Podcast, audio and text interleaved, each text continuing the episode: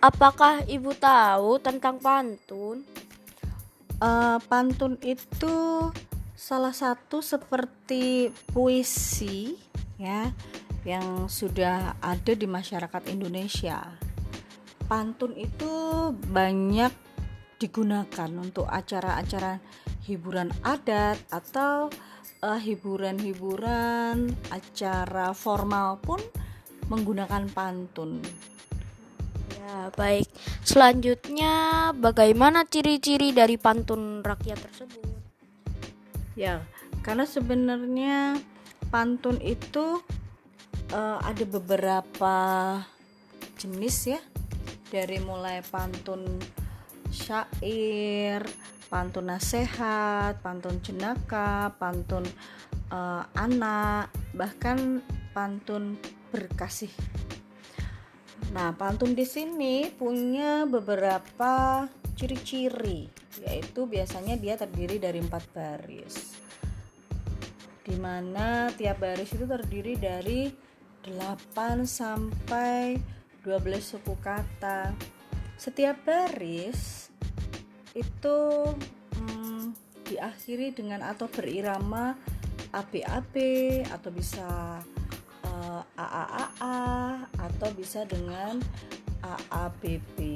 Jadi harus diakhiri dengan suara atau irama yang sama dan biasanya uh, di bagian baris ke satu dan kedua itu bagian permulaan atau sampiran sedangkan untuk barisan 3 dan 4 adalah isi Oh iya baik.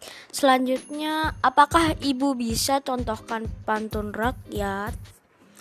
Ya contohnya ya, hmm, duduk manis di pinggir pantai, lihat gadis aduhai tiada duanya. Masa muda kebanyakan santai, sudah renta sulit tertawa. Asik ya, bagus juga ya. Uh, apa makna dari pantun tersebut? Ya, uh, ini merupakan pantun jenaka ya, yang bisa membuat orang tertawa. Yeah. Apalagi uh, apa ya, mengandung sebuah pesan bahwasannya masa muda itu harus digunakan dengan positif. Jangan sampai terbuang dilakukan dengan hal-hal yang uh, negatif kurang bagus sehingga masa tuanya akan menderita gitu maksudnya jadi sebenarnya walaupun ini adalah termasuk pantun jenaka punya makna memberikan nasihat yang baik untuk kaum remaja baik saya juga jadi uh, tahu juga uh, selanjutnya Ibu, apakah dulu juga ada pelajaran tentang syair? Oh, jelas ada. Ibu ini kan angkatan generasi Y. Oh, maaf, generasi X. Nah, generasi X itu dulu itu sangat pujangga. Kita belajar syair-syair.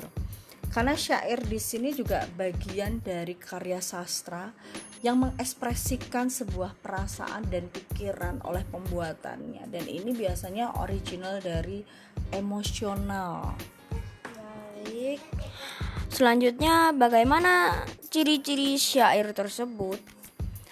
Uh, ciri-ciri syair itu hampir sama ya dengan pantun. Karena pantun, puisi dan syair itu adalah karya sastra yang punya uh, mengekspresikan sebuah pikiran, hmm, perasaan, emosi, dan di situ dibuat sangat menarik.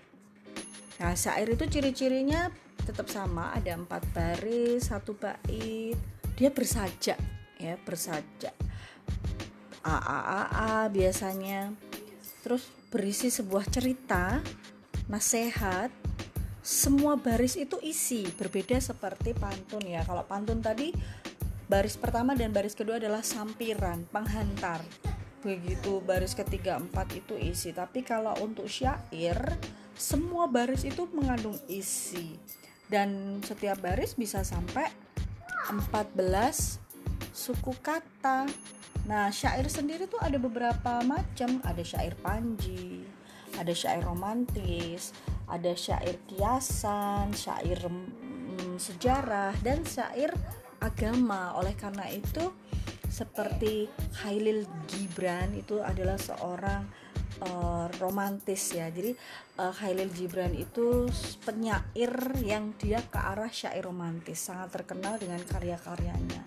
Sedangkan seperti syair sejarah itu bisa dari uh, seorang Ki Hajar Dewantoro ya. Syair agama itu bisa Buya Hamka yang mengibaratkan memberikan dakwah-dakwahnya melalui syair uh, atau ajaran ilmu tasawuf. Nah, uh, mungkin contoh apa lagi ya? Uh, oh iya, selanjutnya apa? Apakah ibu bisa contohkan syair? Contohnya kayak gini. Belakangnya a a a a ya. Uh, saya akan coba Dengarlah wahai anak muda, rajinlah belajar sepanjang masa. Ilmu tiada pernah habis dieja sebagai bekal sepanjang usia. Kayak gitu contohnya. Wes keren ya. Apa makna dari syair tersebut? Ya, syair ini termasuk golongan dari uh, syair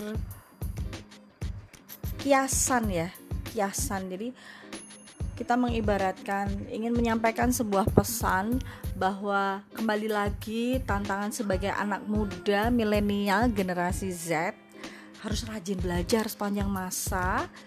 Karena ilmu itu katanya sampai ke negeri Cina jadi tidak ada hentinya harus belajar.